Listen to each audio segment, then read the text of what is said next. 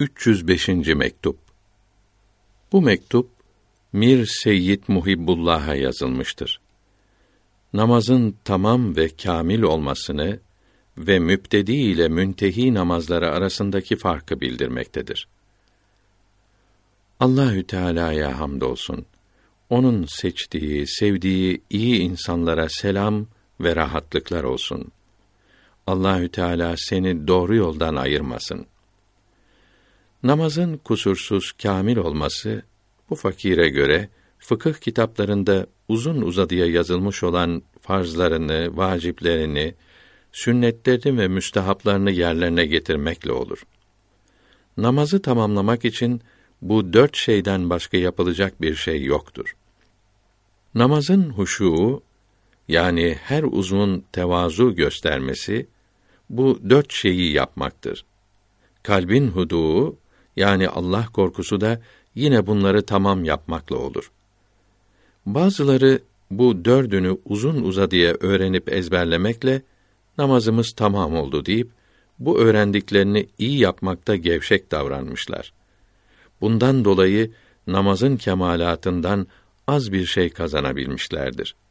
Bir kısmı da namazda dünyayı unutup kalplerinin Allahü Teala ile olmasına ehemmiyet verip azaların edepli bulunmasını gözetmemişler. Yalnız farzlarıyla sünnetlerini yerine getirmişlerdir. Bunlar da namazın hakikatini anlayamamıştır. Namazın kemal bulmasını namazdan başka şeyde aramışlardır. Çünkü namazda kalbin hazır olması şart değildir. Hadis-i şerifte kalp hazır olmazsa namaz da olmaz buyuruldu ise de bu kalbin yukarıda bildirilen dört şeyin yapılmasında hazır olması, uyanık olması demektir. Yani bunların hepsinin yapılmasında gevşeklik olmamasına dikkat etmektir. Kalbin bundan başka hazır olmasını bu fakir düşünemiyorum.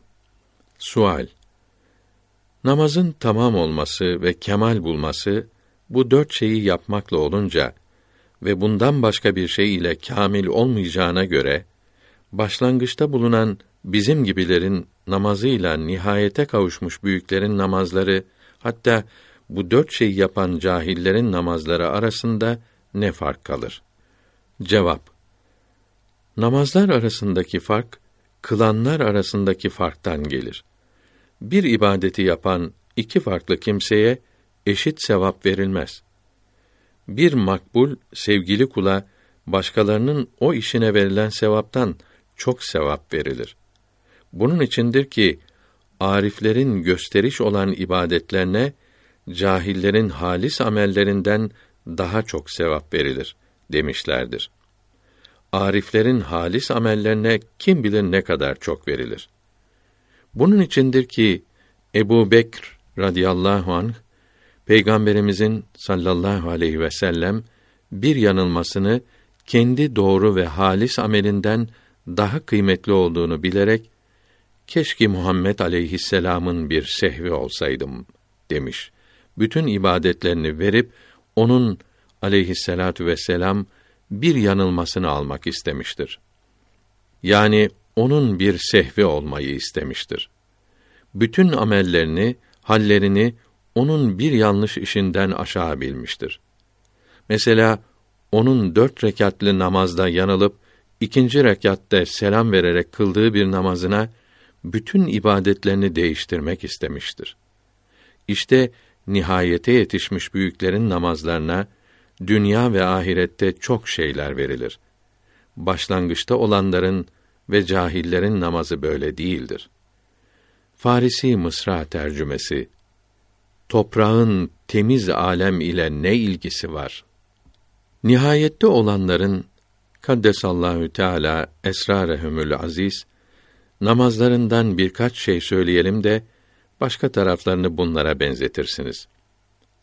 Öyle olur ki nihayete ermiş olan namazda okurken ve tesbih ve tekbir ederken dilini Musa aleyhisselama söyleyen ağaç gibi bulur.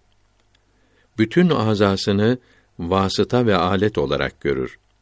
Öyle zamanlar olur ki namazda batını, hakikati yani kalbi ve ruhu zahirinden, suretinden yani his uzuvlarından, duygularından ayrılıp gayb alemine yani ruhlara ve meleklere karışır ve bilmediğimiz bir bağ ile o aleme bağlanır.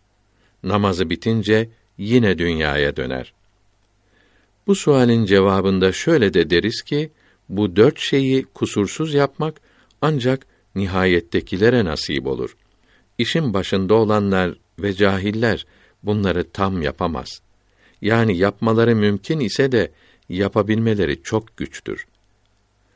Allahü Teala doğru yolda olanlara kaddesallahu teala esrarehumul aziz selamet, rahatlık versin. Geçti isyan ile ömrüm, neye halim varacak? Sızlıyor yaralı gönlüm, onu yoktur saracak. Mahşer yerinde zebaniler elinden ya Rab, eğer etmezsen inayet, beni kim kurtaracak?